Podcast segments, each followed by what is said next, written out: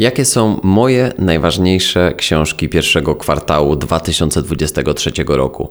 Lubię tą serię odcinków, dlatego że jak zawsze dają mi one szansę na to, by podzielić się tym, co czytam. Kocham czytać, dlatego dzisiaj wybrałem dla Ciebie pięć książek, które coś we mnie na pewno zmieniły w tych pierwszych trzech miesiącach tego roku. I zapraszam Cię na 146 odcinek już teraz. Cześć. Nazywam się Mateusz Brela i witam Cię w moim podcaście Champions Way. Audycja o psychologii sportu i nie tylko. Jest mi niezmiernie miło, że chcesz ze mną kroczyć tą mistrzowską drogą. Ten podcast, ta audycja przede wszystkim dla każdego, kto szuka czegoś więcej, kto chciałby się rozwijać i kto chciałby znaleźć swój kawałek podłogi nie tylko w tematyce psychologii w sporcie, bo w tej audycji poruszam wiele różnych innych tematów z różnych dziedzin życia codziennego. Zatem zapinamy pasy, tankujemy płyny i zapraszam Cię do wspólnej podróży. Ten odcinek będzie zawierał autopromocję, dlatego że będę mówił o jednej z książek, którą będę polecał, ale też dlatego, że jest to książka bliska mojemu sercu. Jest to książka o moim dziadziusiu, jest to książka napisana przez mojego wujka, mojego chrzestnego, którego e, wypowiedź też dodam do, do tego podcastu, dlatego będę chciał, żeby, żeby kawałek tego, o, o czym on będzie chciał powiedzieć, jak, jak Was będzie chciał zachęcić do, do zakupu książki. Może coś akurat ruszy, może sprawi, że przeczytasz jedną z polecanych prze, przeze mnie książek. W tym wypadku może to będzie właśnie Czas Pogardy, czyli książka o moim dziadziusiu. Dlatego też będzie to poniekąd autopromocja. Po tym wstępie, jedyne co jeszcze mogę zrobić, to podziękować osobom, które regularnie bądź jednorazowo wsparły mnie lub wspierają na platformie Buy Coffee 2. A że ten podcast bez kawki się nie odbywa, łyczek kawki i działamy dalej to muszę podziękować tym, którzy postawili mi właśnie wirtualną kawę. W podzięce za moją twórczość, dlatego że, że podcast jest platformą bezpłatną. Chciałbym bardzo tworzyć jeszcze lepszej jakości odcinki, rozmawiać z jeszcze fajniejszymi gości, docierać do jeszcze większej liczby ludzi i to się dzieje dzięki temu, że mogę dostać to wsparcie właśnie na, na stronie Buy Coffee tu, gdzie możesz wesprzeć mnie kupując mi wirtualną kawę i oczywiście przez drugą drogę, która jest dla mnie równie ważna, czyli wystawianie ocen, Y, subskrybowanie do, do, do tego kanału, czy to na YouTubie, czy na Spotify, czy na, czy na Apple'u, gdziekolwiek słuchasz tych podcastów. Ważne jest też, jest też to, by wystawić adekwatną ocenę do tego, w jaki sposób Ty patrzysz na, na, na moją twórczość. Więc jeżeli mógłbym Cię o to wszystko prosić, będę bardzo wdzięczny. Dzięki temu ten podcast może istnieć i rozwijać się. Po raz 146, tak jak powiedziałem, nie wszystkie odcinki, a raczej większość odcinków nie ma, nie ma obrazu, nie nagrywałem ich wcześniej w formie wideo mam nadzieję, że teraz to będzie właśnie wyglądało w takim, w takim formacie niezmiennie i z jeszcze lepszą jakością. Dlatego zacznijmy od pierwszej książki, bo myślę, że nie ma na co, na co czekać. Przygotowałem, tak jak wspomniałem we wstępie, pięć książek, które w jakiś sposób wywarły na mnie ogromny wpływ z jakichś różnych powodów w tych pier pierwszych trzech miesiącach 2023 roku, a że jesteśmy cały czas i niezmiennie w serii Zdrowie psychiczne w 2023 roku, no to chciałbym, żeby właśnie też między innymi przez te książki szerzyła się ta tematyka i żeby być takim propagatorem, edukatorem, jak zawsze o sobie mówię tutaj, właśnie w temacie zdrowia, zdrowia psychicznego. Pierwsza książka, która właśnie jest częścią tej autopromocji, o której mówiłem, to książka mojego wujka, mojego chrzestnego, Czas pogardy mój wujek Jarek Aranowicz, który, tak jak wspomniałem, w tym podcaście pojawi się jego, e, pojawią się jego słowa, pojawi się jego opinia o podcaście, e, przepraszam, nie o podcaście, tylko o tej książce. Będziecie mogli usłyszeć jego zaproszenie do tego, co jest najważniejsze. Prawdopodobnie wrzucę je właśnie gdzieś tutaj pomiędzy, pomiędzy moimi słowami. Jeszcze zdecyduję, pewnie gdzieś zrobię taką małą pauzę, może właśnie tutaj się pojawi później, pojawią się później słowa mojego wujka, e, ale, ale usłyszycie takie zaproszenie bezpośrednie właśnie od niego na to, o czym jest ta książka. E, ten chłopiec z okładki to oczywiście nie jest dokładnie mój dziadziuś, natomiast to ma być e, taka, takie, takie właśnie wcielenie małego Tomaszka Aranowicza. Mm. Mój dziadziuś, który zmarł 22 stycznia bieżącego roku, czyli 2023, w wieku 88 lat odszedł.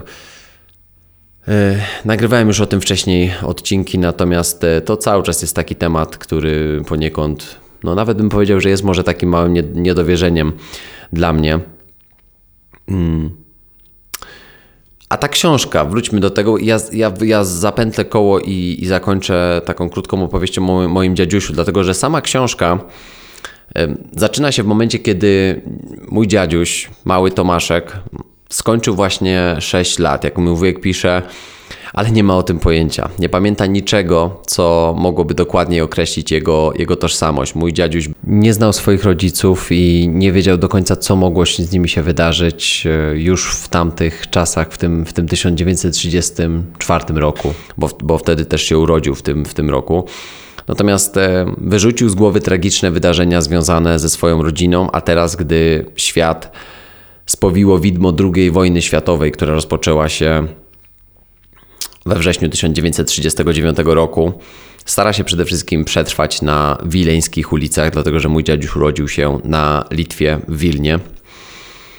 Jedyne oparcie znajduje w grupie podobnych do niego osieroconych dzieciaków, trochę starszych, trochę silniejszych pewnie, trochę bardziej, mówiąc potocznie, kumających rzeczywistość. Natomiast e, dla nich codziennym, codziennym celem stanie się, staje się po prostu znalezienie bezpiecznego noclegu, czegoś do jedzenia. Wojenna zawierucha odbiera nie tylko mojemu dziadziusiowi, małemu Tomaszkowi, ale też wszystkim chłopcom i dziewczynkom, którzy otaczali wtedy jego i, i, i, i, tą całą społeczność, to środowisko, zabiera im kompletnie dzieciństwo, spokojne dzieciństwo, ciepłe dzieciństwo, którym, którym my, my mogliśmy doświadczać, którego ja doświadczyłem, którego zapewne ty doświadczyłeś lub doświadczasz w swoim życiu. A przede wszystkim zabiera nadzieję na, na lepsze jutro. My narzekamy na, na czasy, w których żyjemy, narzekamy to, co się dzieje, na to, co się dzieje w, w obecnej dobie. To nie chodzi oczywiście o to, żeby tak pusto mówić i pozytywnie się nakręcać, bo ja też nie wierzę w takie, takie górnolotne mówienie, że co cię zabije, to cię wzmocni. Znacie mnie dobrze, więc wiecie, że, że hmm, że nienawidzę używać takich frazesów, które nic nie wnoszą do, do rozmowy, nic nie wnoszą do pomagania innym ludziom, ale no musimy sobie powiedzieć, że żyjemy na pewno w lepszych czasach niż, niż, niż mały Tomaszek i jego, jego przyjaciele, którzy no doświad doświadczając okrutnych przeżyć, nie, nie, wiadomo, czy nie wiadomo było w tamtym momencie. Wcielając się, czytając tą książkę, możemy, możemy się wcielić w to, co działo się na przełomie roku 1939 i 45, czyli te, te sześć kluczowych lat, y, które, które wstrząsnęły na pewno losami świata, a w szczególności Polski, czy kiedykolwiek będą potrafili uwierzyć, że świat może wrócić w jakikolwiek sposób do normalności, że oni będą mogli w jakikolwiek sposób wrócić do, do, do, do, normalności. Jak mój wujek na pewno powiedział, lub jeszcze powie w momencie, kiedy to usłyszysz, Czas Pogardy to przejmująca opowieść o wojennych wydarzeniach przedstawiona z dziecięcej perspektywy, w której nie brakuje dojrzałej wytrwałości i niebywałej siły koniecznych, aby przetrwać w tej brutalnej rzeczywistości. I książka, książka jest powieścią historyczną, więc ona ma w sobie dużo, dużo opisów historycznych, natomiast ona jest e, oparta na pamiętnikach mojego dziadziusia. I mój wujek stworzył tą książkę w taki sposób, gdzie każdy rozdział to jest czas czegoś. Czas niepowodzenia, czas strachu, czas płaczu, czas umierania, czas nadziei, czas głodu, bohaterstwa, walki itd., itd., aż do ostatniego rozdziału, który jest tak zwanym czasem życia.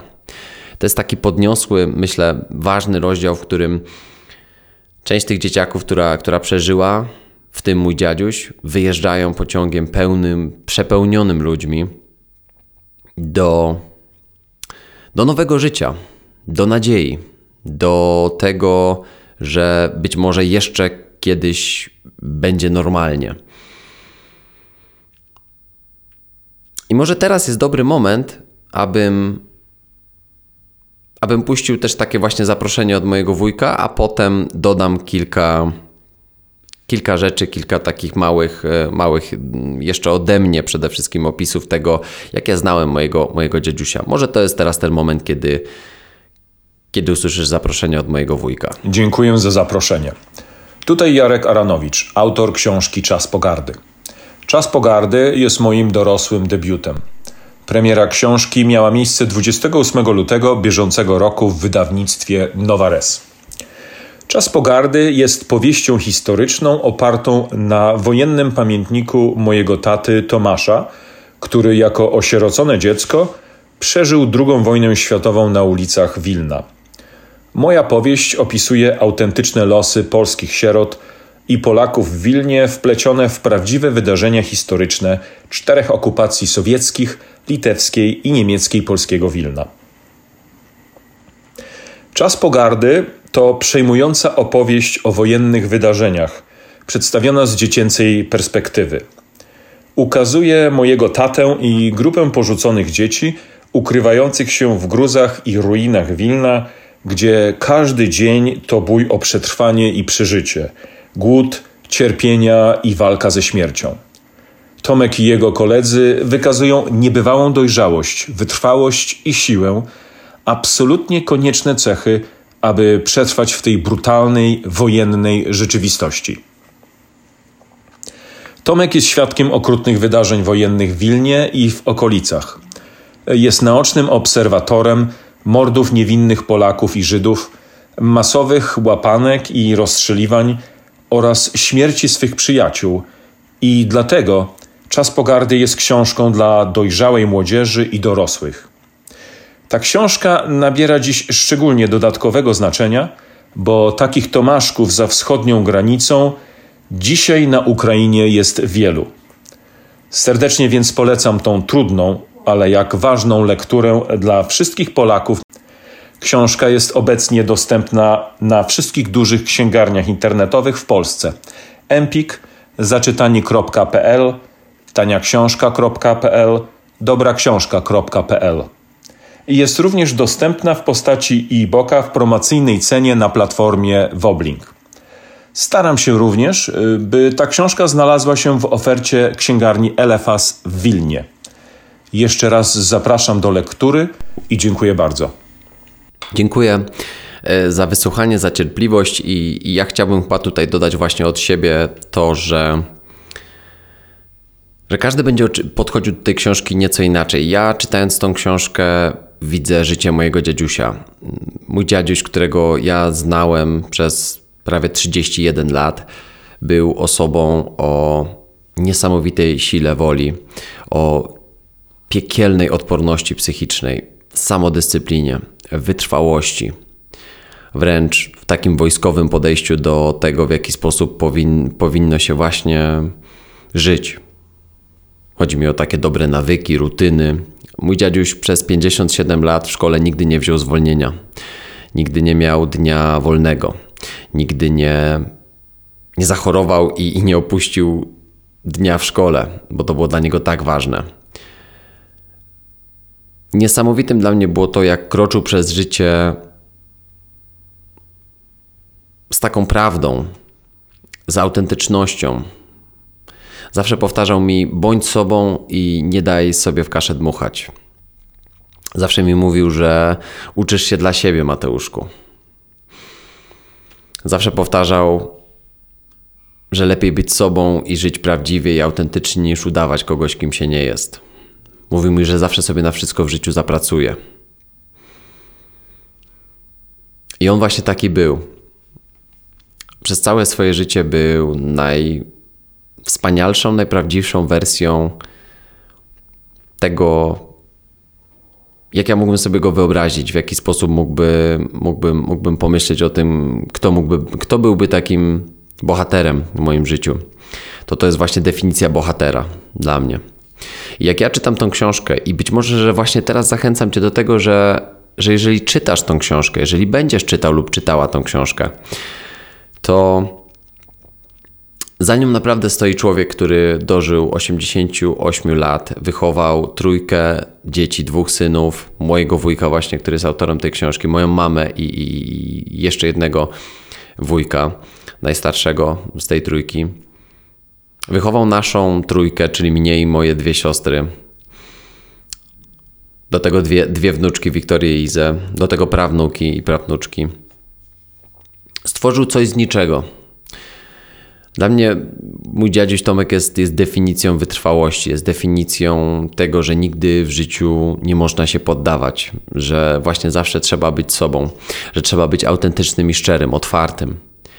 I, i dlatego spędzam na, na tej książce chyba najwięcej czasu z tych, z tych wszystkich pięciu, bo, bo życie, jak pisze mój wujek, nie może być zawsze takie okrutne. W końcu musi wydarzyć się coś dobrego. I dla mojego dziadziusia, dla, dla Tomaszka, wydarzyło się coś, coś najwspanialszego, ponieważ y, ja go zawsze będę nazywał bohaterem.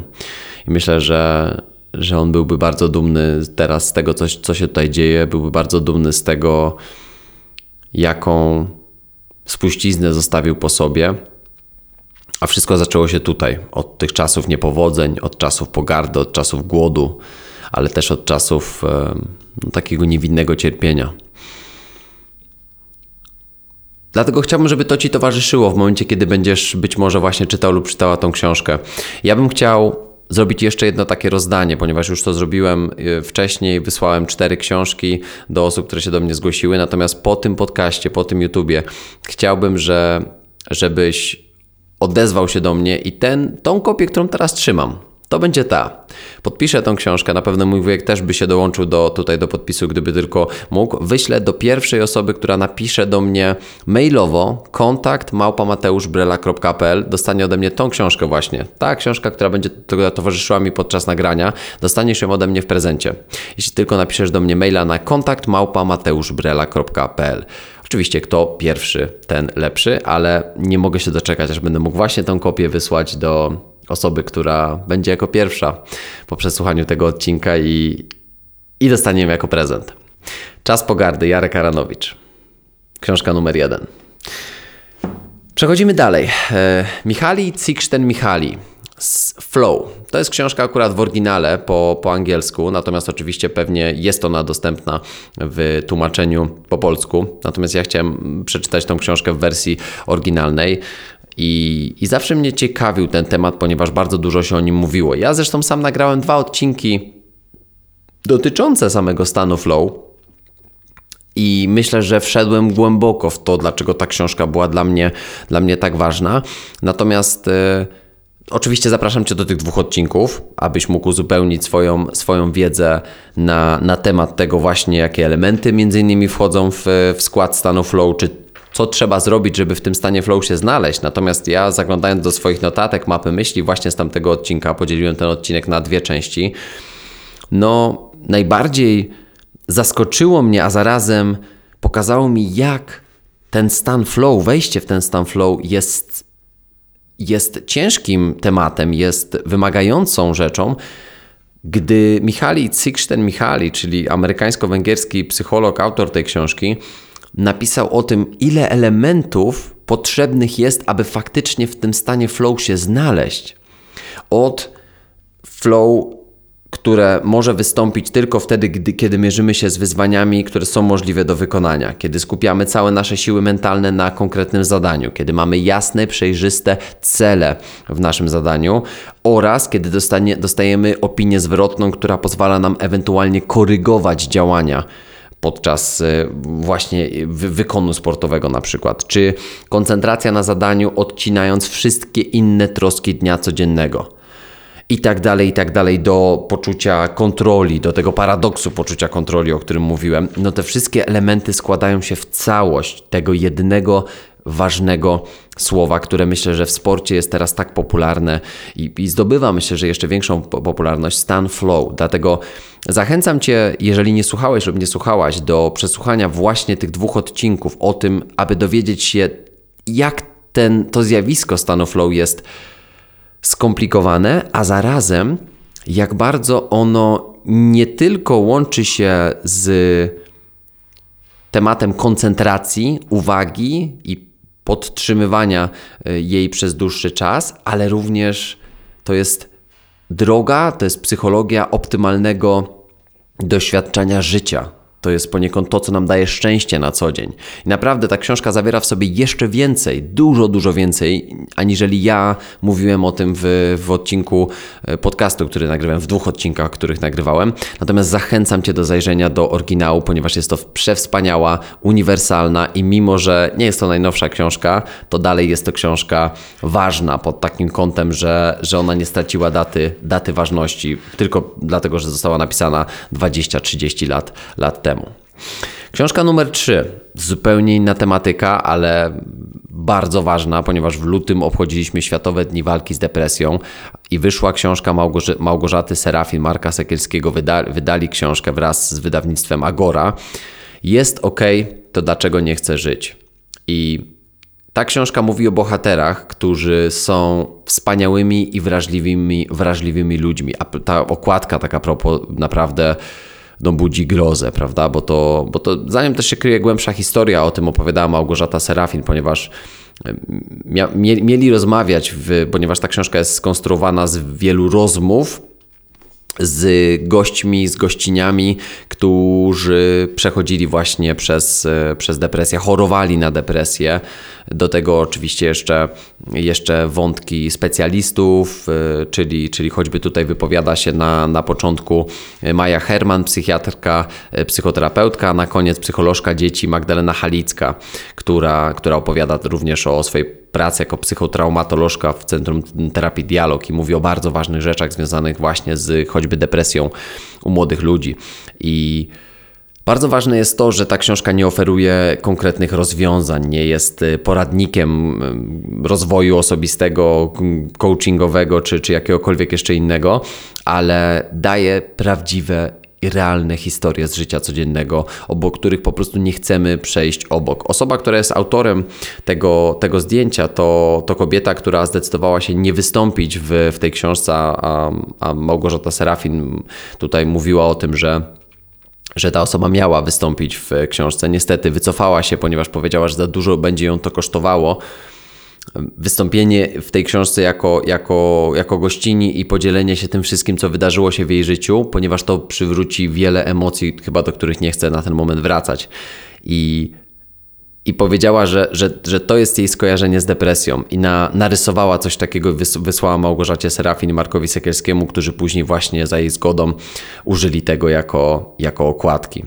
Um, no mam nadzieję, że wszyscy widzą oczywiście, co to jest. To jest, to jest e, ręka, jakby wewnętrzna część ręki blisko tutaj nadgarstka, która jest po prostu pocięta, a to, a to, a to znamienne powiedzenie jest ok, czyli co u Ciebie jest ok. To nasze takie właśnie polskie um, gówno gadanie, które, które, za którym kryje się no, często tragedia ludzka.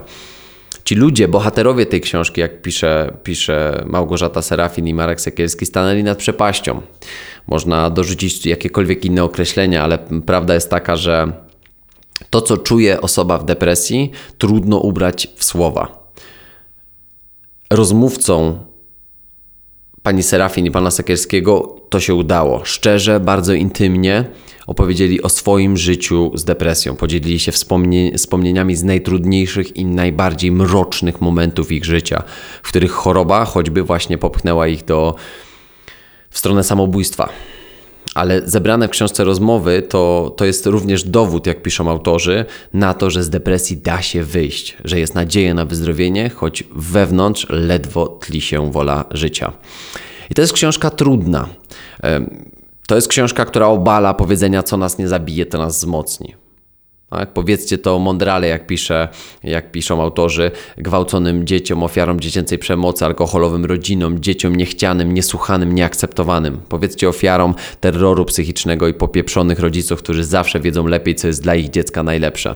Chcemy, by ta książka stała się również przyczynkiem do refleksji nad tym, czego my, dorośli, dokonujemy na naszych najukochańszych pociechach.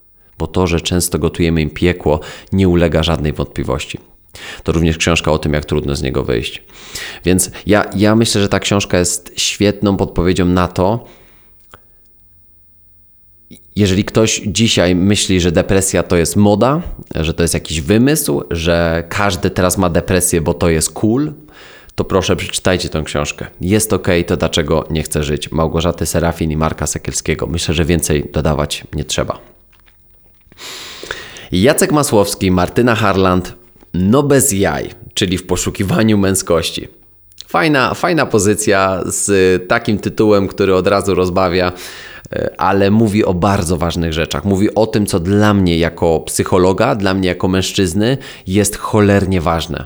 Czyli to, jak można zdefiniować współczesną męskość, w którą stronę zmierza męs męskość, czy jesteśmy w kryzysie męsko męskości w tym momencie, co to właściwie znaczy dzisiaj być mężczyzną, jak, jak możemy zredefiniować tą męskość, ponieważ kobiety od kilku lat skutecznie redefiniują swoją kobiecość i to bardzo dobrze.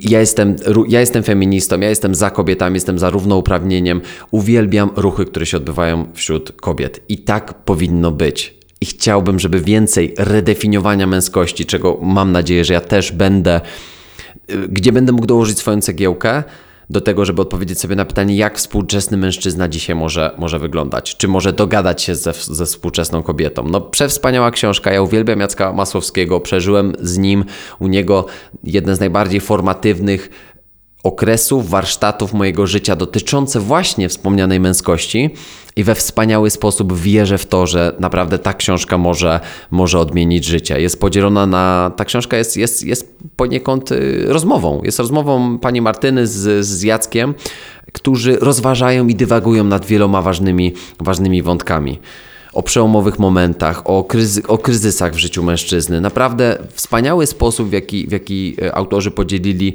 książkę na, na, cztery, na cztery części. Czyli mężczyzna w kryzysie, co przeszkadza mężczyznom będącym w kryzysie, pomoc dla mężczyzny w kryzysie i facet od nowa. Czyli zaczynamy od początku budować e, to, mm, to w jaki sposób to powinno wyglądać. Przełomowy moment według mnie. Fajnie, że ta książka powstała, fajnie, że, że, że taka pozycja się pojawiła. Jacka Masłowskiego możecie posłuchać również na YouTubie, w wielu świetnych wywiadach, również zgłosić, zgłosić się do Fundacji Maskulinum, którą ja serdecznie polecam.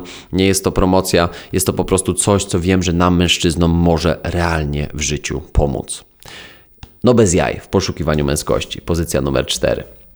I pozycja numer 5 to tylko kilka, oczywiście, tak jak powiedziałem, z tych, które przeczytałem w tym roku, ponieważ uznałem, że, że one będą najfajniejsze. To już druga książka, którą, którą przeczytałem, a wielokrotnie też słuchałem, Tomasza Stawiszyńskiego. Tym razem Reguły na czas chaosu. Pierwsza książka, jaką przeczytałem, również, e, również e, wydawnictwa księgarni Znak, e, to, to ucieczka od bezradności.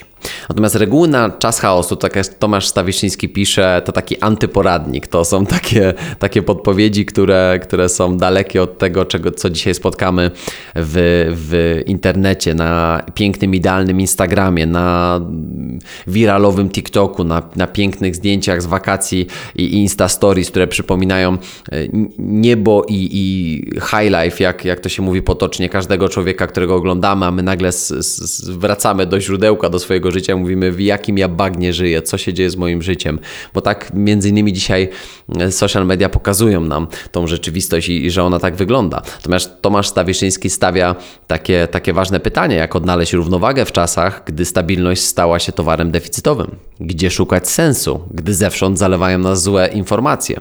Jak myśleć racjonalnie w rozemocjonowanym świecie? Komu i czemu ufać, gdy w najlepsze trwa ogólnoświatowa wojna informacyjna, nadciąga kryzys ekonomiczny, a nasza planeta płonie?